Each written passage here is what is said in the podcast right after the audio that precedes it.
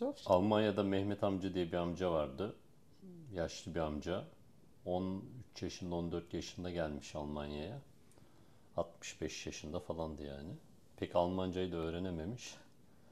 Bir ortama girdiğinde şey diyordu. Selamun aleyküm, merhaba, guten tag, bonjour, good morning. Sonra da bana dönüp diyordu ki nasıl yeğenim? Kaç dili konuşuyorum mu? Ha, evet. Dinlerse selam olsun. Podcast dinler bilmiyorum da. Herkese selamlar, sevgiler. Selamlar herkese. Nasılsın? Teşekkür ederim. Sen nasılsın? İyiyim ben de. Takılıyoruz. Havalar soğuk, güzel. Kar yok. Havalar soğuk gerçekten yurt dışında da öyle. Niye öyle? Bilmiyorum. Konuya girelim mi? Hadi girelim Yurt bakalım. dışı dedim. Bugün fantastik bir konuyla karşı karşıyayız. Ney? Bugünkü konuyu biraz doğaçlama seçtik. Göç etmek. Şehirler arası yurt dışı. Daha çok aklımda olan yurt dışı ama aslında bir motivasyon orada hepsinde aynı. Yani şehirler arası da bir göç var ama tabii ki daha çok yurt dışını konuşacağız. Şey yapalım dedik dostlar. Pro kontra yapalım. Ne dersin? Yapalım. Yani olumlu yanları, olumsuz yanları, negatifleri, pozitifleri, objektif gidelim. Şahsi görüşüm bir insanın yurt dışı ile ilgili özellikle göç konusunda yorum yapabilmesi için en az 4-5 sene orada yaşamış olması gerektiğini düşünüyorum. Yani 6 ay Erasmus yaptım, bir yıl orada kaldım turistik turistik olarak turist olarak gittimle orayla ilgili çok fazla bilgiye sahip olmuyorsun. Ortalama 4-5 yıl senin artık orayla ilgili objektif çıkarımlar yapabilmen için fena bir süre değil. İkimizde de bu süre var mı? Var. Hayatımızın yarısı neredeyse yurt dışında geçti. İşte evet. Alman, Belçik, Frans.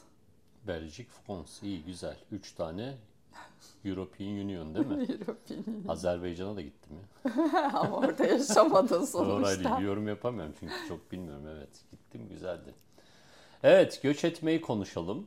Yani aslında şöyle çok köşeli konuşmayalım. Yani sınırlandırmadan konuşalım. İnsanlar göç etmek istiyorlar ya da gidiyorlar. İnişler çıkışlar yaşıyorlar. Bir insan neden göç eder? Yurt dışı olarak konuşalım. Çünkü böyle sürekli işte şehirler arası böyle şey ülkeler arası böyle gibi demeyeyim de biz bunda daha çok yurt dışına göçü konuşalım seninle. Yani ben bir keresinde mecburi diyeyim aileyle gittim. Ee, Diğerinde hani bilerek seçerekti. Ee, Dolayısıyla her ikisini de deneyimlemiş bir insan olarak şeyi söyleyeyim. Bir arayış içindesindir. Hem kendin için hem ailen için, e, geleceğin için bir şeyleri aradığın için göçersin.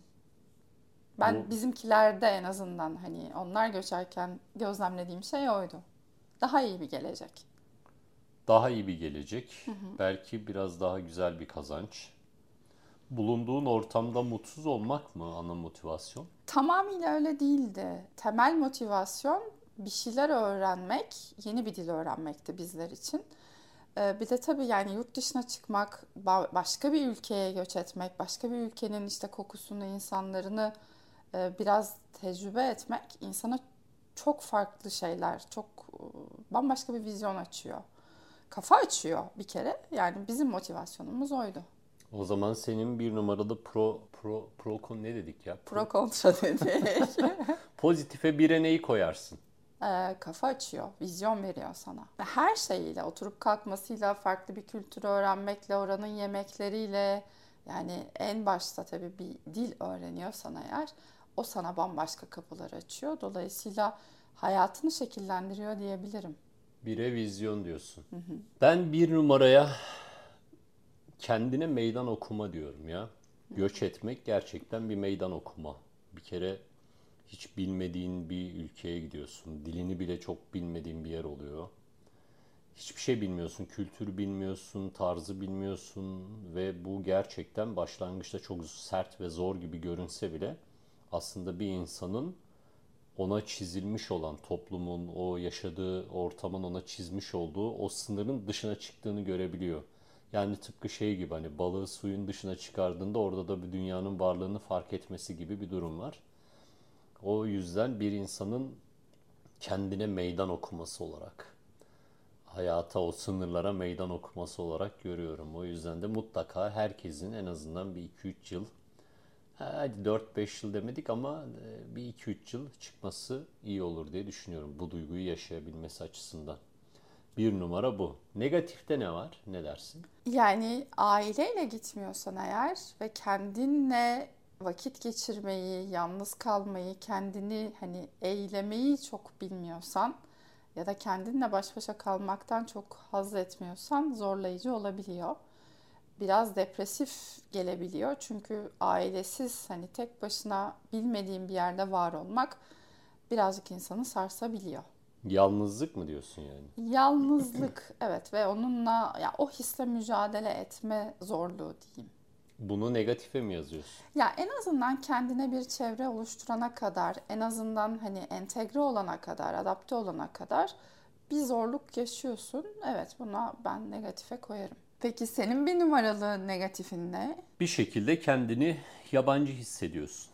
Yani onlar sana hissetmese de yabancı hissediyorsun. Yabancılaştığını fark ediyorsun.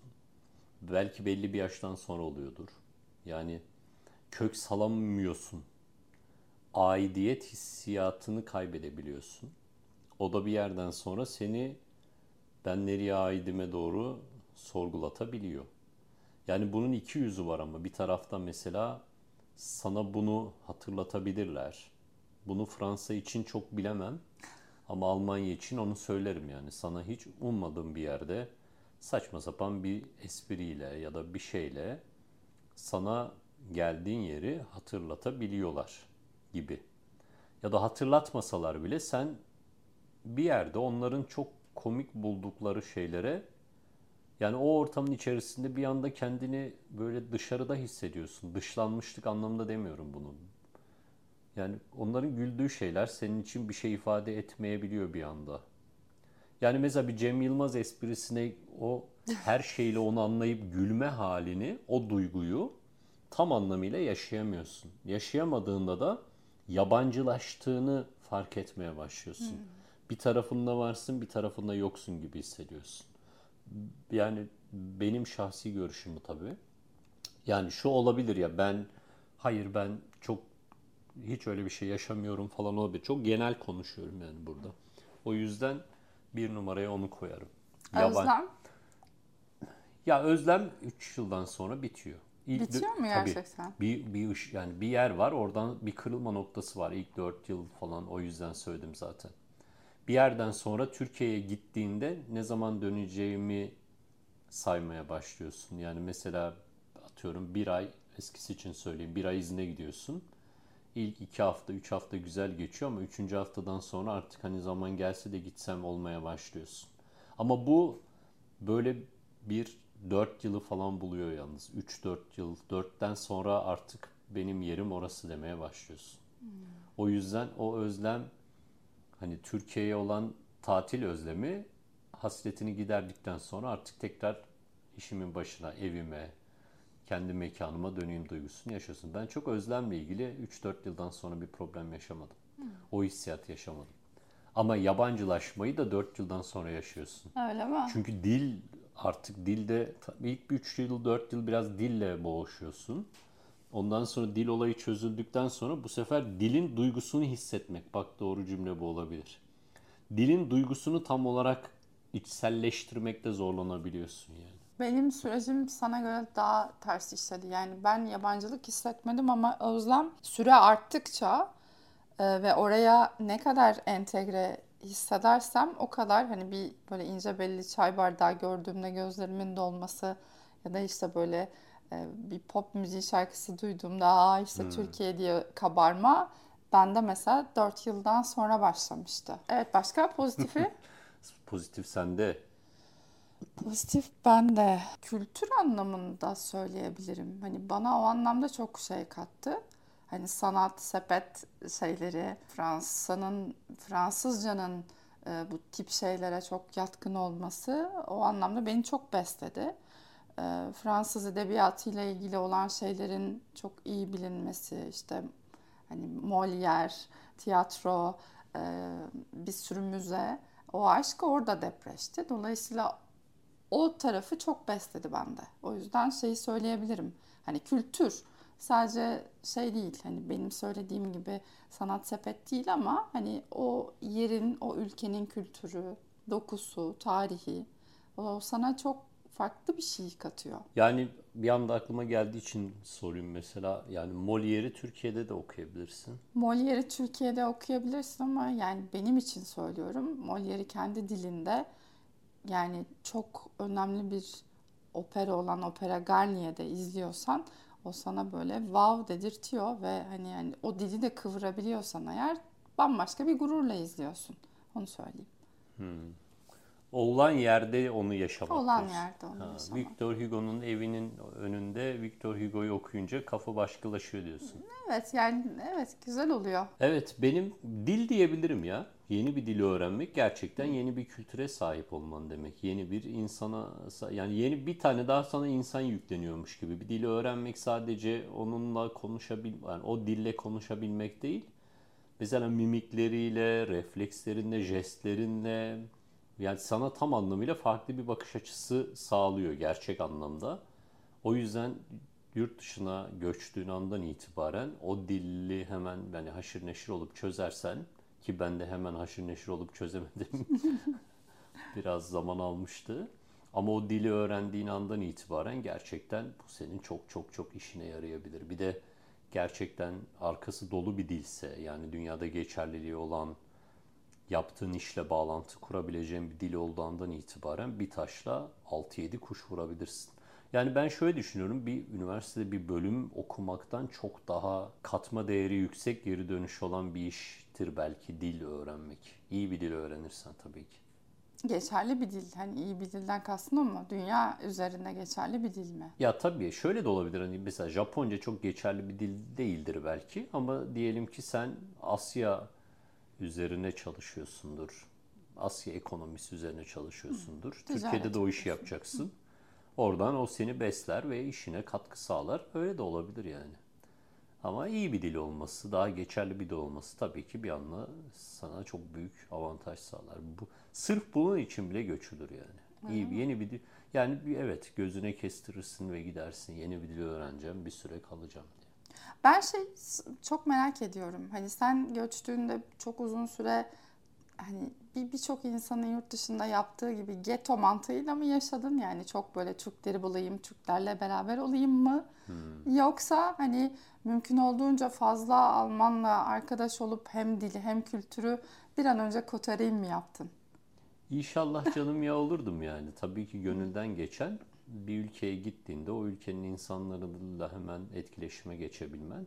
Almanya özelinde söyleyeyim zaten o başlangıçta mümkün değil. Çünkü ya bunu üzülerek söylemek zorundayım. Seni birkaç sınıf aşağıda görüyor. Çünkü daha az gelişmiş bir ülkeden geldiğini düşünüyor. Hı hı. Öyle olunca neden seninle herhangi bir etkileşime girsin ki? Bir Amerikalı olsam belki olabilir. O der ki ben de ondan biraz İngilizce öğrenirim falan. Ama bir Almanın bir Türk'le, Türkiye'de gelen bir gelen bir Türk'le hemen etkileşime girmesi çok mümkün değil. Belki istisnai durumlar olabilir.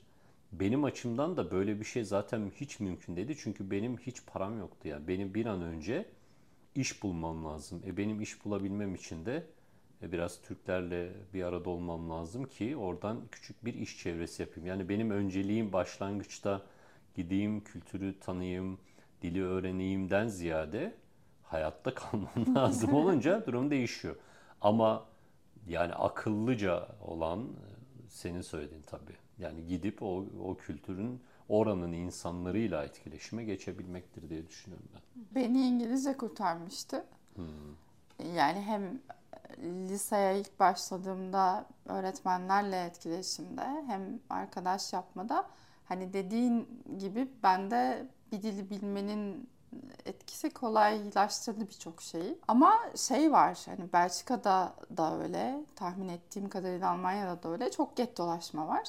Hani annemlerin get dolaşmasından ben çok etkilendim. Çünkü annemler hani haliyle kendi arkadaş çevresi ve hani alışıla gelmiş bir süreci devam ettirmek istediler. Dolayısıyla bizi de o çevrenin içerisinde tutup hani bir, bir, bir şekilde o gettonun içerisinde kalmamızı sağladılar.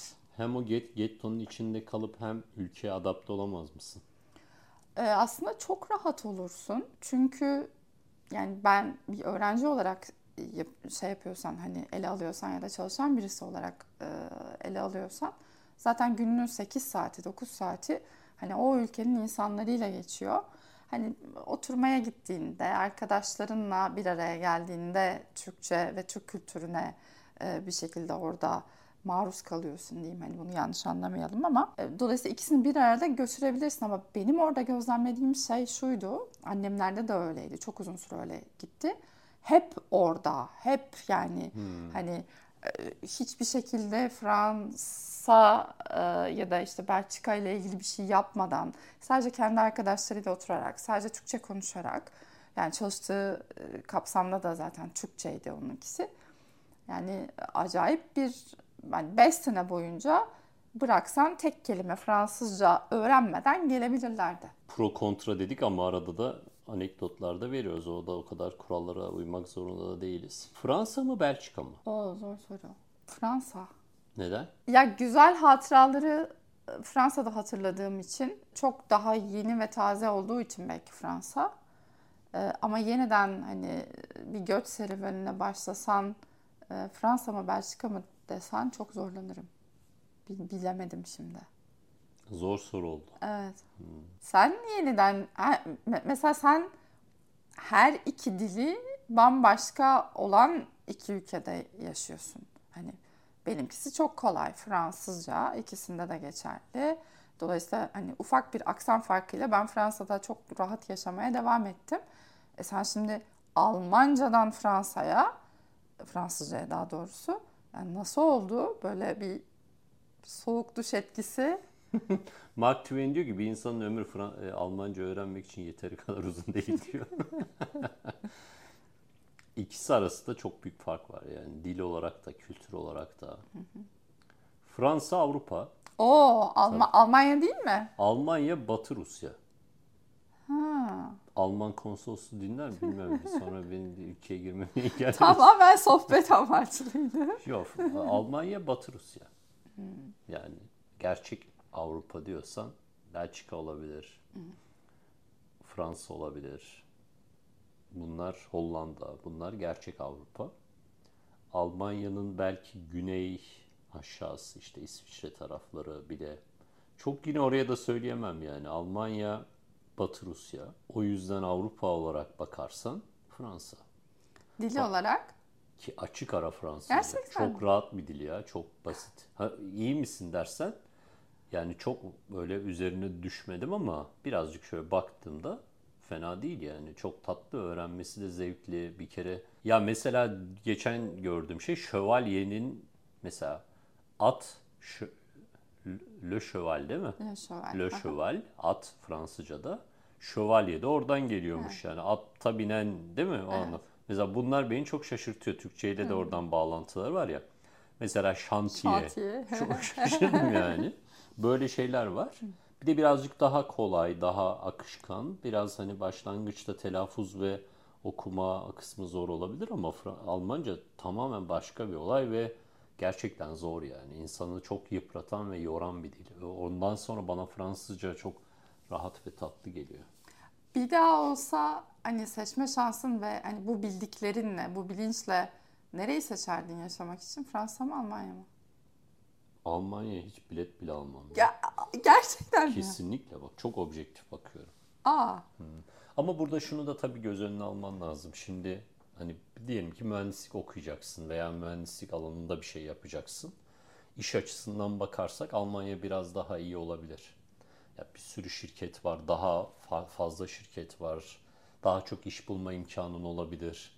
Ama biz şu an biraz daha rahat bir hayat yaşadığımız için işte hani belli bir gelirin olmadan sanatı, kültürü, Molière'i çok düşünemeyebilirsin ama şimdi o noktada olduğunda buradan öyle baktığımda Fransa bana çok çok yani hiç kıyaslamam bile o anlamda. Bir, bir de şöyle bir şey var herhalde. Şimdi Fransa ya da Belçika hani eğer Brüksel'e gitmiyorsam e, Belçika'da da diyeyim. İngilizce ile çok fazla entegre olabilmen ya da hayatını devam ettirebilmen çok mümkün değil. Şey, evet. Şey Belçika'da mı? Belçika'da da öyle. Yani Brüksel'e gitmediğin sürece. Hmm. Hani e, turist olarak gezersin ama yaşayabilir misin dersen çok uzun vadeli yaşayamazsın.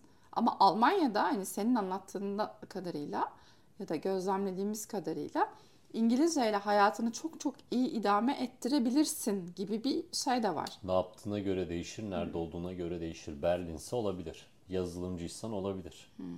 Ama mesela benim okuduğum bölüm ve benim yaptığım iş gibi bir şeyle giriyorsan olmaz yani. Sadece çalışmak için ve e, yani yine hani çok dilli, çok uluslu bir şirketteyim. İngilizceyle de götürürüm. Götürebilirsin. Götürürüm. Ama biraz böyle Almanya'nın daha küçük şehirlerine falan gidersen bön bön bakarlar. Ama Almanlar Fransız İngilizce konuşmayı çok sevdikleri ve buna çok istekli oldukları için oradan bak puan toplarsın. Yani Almanların oradaki bakışları biraz farklı. İngilizce konuşuyor olmandan dolayı da sana daha sıcak yaklaşabilirler. Almanlar Fransızcaya da mı biraz özeniyorlar? Almanlar Fransızlara inanılmaz bir aşağılık kompleksi yaşıyor. İnanılmaz. Zaten yani bir Fransızla karşılaştıkları zaman da kendilerini böyle hep ezik şey yapıyorlar. Şimdi mut, mutfakta kıyaslanacak bir durum yok. Yani kültürde kıyaslanacak bir durum yok. Tamam hani Almanlarda çok düşünür var ama hani günümüzdeki Almanya daha çok mühendislik, çalışmak yani deli gibi çalışmak. Almanya eşittir çalışmak gibi. Fransa öyle değil. Fransa'da hayatın içinde bir renk var, bir akış var. Dolayısıyla o Almanların çok hoşuna giden bir şey. Peki son sorum. Ee, sıfırdan başlayacağın diliyle dahil. Ee, bu saatten sonra yeniden göç eder miydin? Yaş itibariyle mi? Yaş itibariyle. İnanılmaz zor bir soru. Yani çok zor bir soru. Bir sürü şey içinde barındırır tabii ki ama insanın belli bir yaştan sonra yani bu yaşta bak bunlar benim ve senin çok şahsi görüşlerimiz.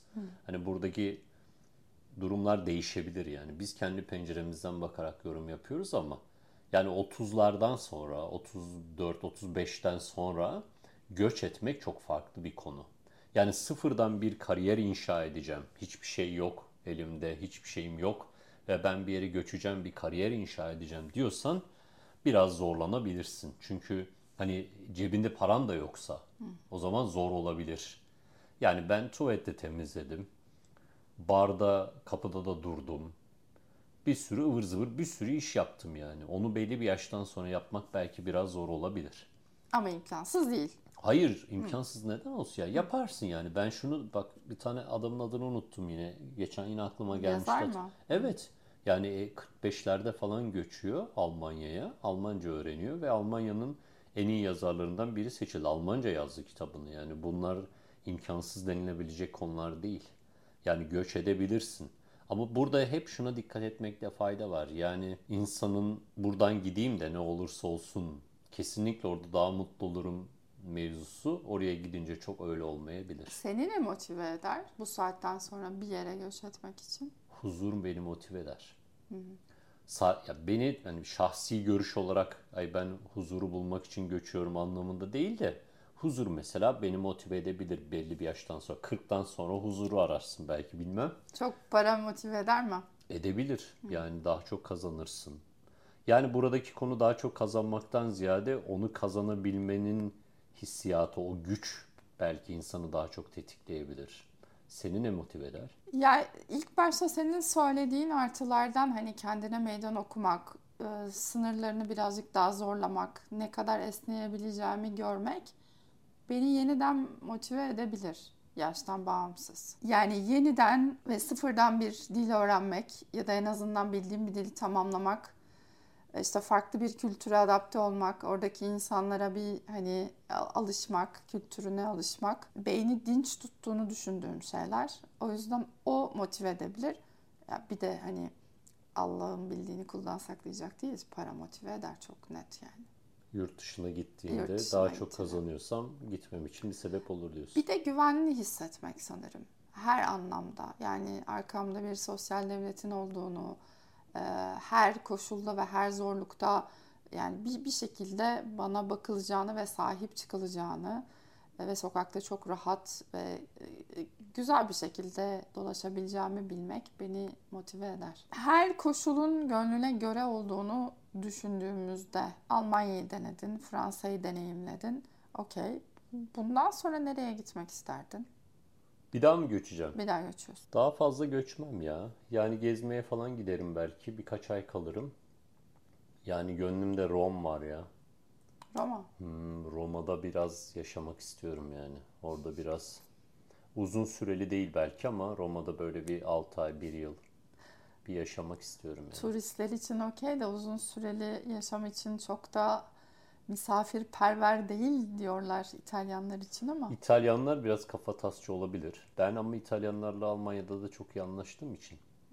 Yani İtalyanlar ve Yunan Yunanlılarla çok en iyi anlaştığım insanlardı. Bir Yunan adası da olabilir bak. Akdeniz bölgesi ya ben buradan çok çıkmayı sevmiyorum.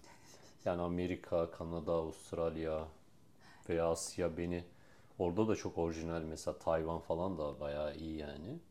Singapur, Dubai bunlar hep gidilebilecek. Yani hep Avrupa'ya bakmamak lazım. Çünkü benim gözümle konuşuyorum. Ben şu an sıfırdan mesela bir genç olarak çıkacak olsam ve dünya haritasında farklı şeylere de bakardım. Çünkü güç, ticaret, business biraz başka taraflara kaymaya başladı. Ona da bakılabilir. Ama benim şu anki dünyamdan bakarsak ben Akdeniz Havzası'nda çok mutlu olurum yani. Ben onu seviyorum. Ya. Şey sormak istiyorum, bilmiyorum sen de mi aynı şeyi düşünüyorsun. Mesela Amerika çok motive ediyor birçok insanı. Çünkü çok farklı. Ama hani göç serüvenine ya da yurt dışında yaşama macerasına Avrupa ile başlayanlar için Amerika nedense o kadar cazibe merkezi gibi değil. Sen de bunu düşünüyor musun? Hocam benim antik tiyatrom geliyor. İki ayda bir. Benim yani ben antik tiyatro görmem lazım, antik şehir gibi görmem lazım, zeytinlik görmem lazım. Amerika'da da vardır zeytinlik de. Yani ben, ben bana tarih lazım yani ben şahsi olarak yapamıyorum. Şey oluyor ben mesela Türkiye'de de ben Truva'ya gitmeden duramıyorum yani. O doku, o havayı almak istiyorsun. Onu çok o tarafta yaşama ihtimalin olmuyor. Orada birazcık daha tamam büyük binalar, işte şu bu falan biraz doğa tarafı da olabilir ama o tarih yani bir Roma, bir eski Yunan, bir Selçuklu, bir Ottoman Empire ben onlarla çok böyle dokunmak istiyorum ona. E, dokunsal değil ama hani arşivsel ve kaynaksal olarak da Amerika çok zengin ama işte kütüphaneleriyle, arşivleriyle adamlar çok güçlüler. Kitap okuyarak gülün kokusunu alamazsın. Olabilir orası. Buradan yanlış mesaj vermeyelim. Kitap okuyun lütfen de. Ya tamam deneyimlemek başka bir olay ya. Ya olabilir. Bir ya birinin de hayali Manhattan'da yani iyi bir finans şirketinde çalışmaktır. O da olabilir yani. Dedim ya bunlar çok şahsi şeyler yani. Ama genele baktığımızda şöyle bir baktığımızda göç edin. Ne yapın, ne edin? Göç edin. Küfür ederek değil, lanet olsun deyip bir yerden kaçarak değil. Gidip deneyimleyerek, üzerine uğraşarak. Ben şunu bir bahane olarak görmüyorum yani. Bir param yok, o yok, bu yok. Yaşım geçti. Yok yani evet yaşım geçti yani hiçbir şey için bir bahane yok orada. İstiyorsan gerçekten gidip yaşayabilirsin. Düşünsene dünyaya bir kere geliyorsun ve sadece bir bölgedeki insanları ve o kültürü tanıyıp buradan göçüp gidiyorsun. Ama bir sürü farklı dünya, farklı insan, farklı dil. Düşünsene. Yani biz mesela seninle bir sürü bak içerik üretiyoruz, eğitimler hazırlıyoruz, bir sürü işler yapıyoruz. Bunlar sadece tek bir dille olabilecek işler değil. İşler değil. Evet. Yani onun meyvesini çok yiyoruz gerçekten. Hani ilk başa dönersek gene insanın vizyonu için, insanın hani dünyaya farklı bakması için çok gerekli. Fırsat varsa mutlaka, yoksa belki yaratılarak hani herkesin deneyimlemesini en azından naçizane tavsiye edebileceğimiz bir şey göç. Güzel bir şey. Fırsat var her zaman var. Güçlendiriyor insanı. Güney Afrika'yı aramıştım. Almanya'ya gelmeden önce. Yani seçeneklerim arasında Güney Afrika'da var. Hocam Japonya, Güney Afrika başka neresi? Almanya işte üçü. Üçünü, üçünü araştırdım. Üçün, Güney Afrika'ya merhaba dedim. Telefonu açtım. Merhaba dedi. Dedim ben oraya gelmek istiyorum öğrenci olarak. Ee, öğrenci olarak gidebilirsiniz ama zaten biz yani bir siyahi kişiydi muhtemelen. Yani Güney Afrikalı biriydi. Konsolosluğu mu aradın Tabii sen? tabii. Ha. Biz Türk vatandaşlarından herhangi bir vize talep etmiyoruz. Buyurun gelin dedi. ya çok güzel. Yani gidebilirsin yani Aha, Güney, Güney evet Amerika yani. çok güzel. Güney Afrika. Ay pardon Afrika. Hmm, yani iyi bir ülke yani fena bir yer değil. Hani yok yani yok değil. İlla ki böyle bir Atıyorum Belçika'ya gideceğim. Bunun dışına da çıkabilirsin yani. Güzel bir hazırlık yaparsın ve sonra önden bir gider bakarsın imkanların dahilinde neyse durumun. O olabilir. Göç etmek başka bir şey. Göç etmek başka bir şey. Belki şey olabilir mi? Hani son öyle bağlayalım. Hani ne istediğimizle doğru orantılı belki ülkeye karar vermek lazım. Hani yeni bir dilse dil, çalışmak istiyorsan onun sektörü neyse o. Hani teknoloji ise belki o yüzden Amerika dedik. Dolayısıyla her şeyi tartarak ve gerçekten hani deneyimlemeye sonuna kadar hazır olarak yapmak gerekiyor. Ben neden neden bunlar başıma geliyor, neden böyle, neden şuradan ziyade nasıla bakmanın, nasılı sormanın seni çözüme götüreceğini düşünenlerdenim.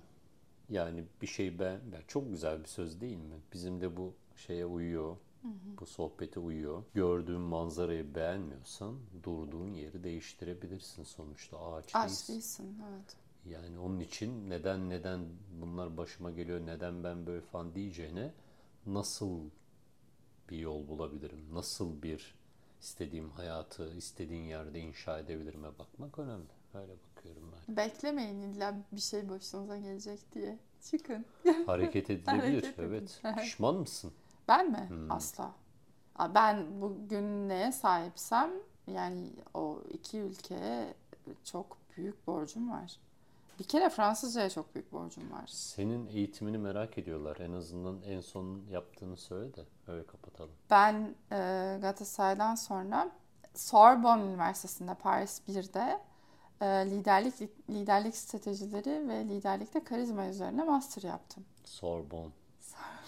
Bunu hep söylerken niye böyle şey yapıyorsun? İyi de Sorbonne da iyi yani, değil mi? Dünyanın en iyi okullarından bir En iyi okullarından bir tanesi ama yani Sorbonne güzel üniversite. Dünyanın hakikaten kaliteli üniversitelerinden bir tanesi. Evet efendim.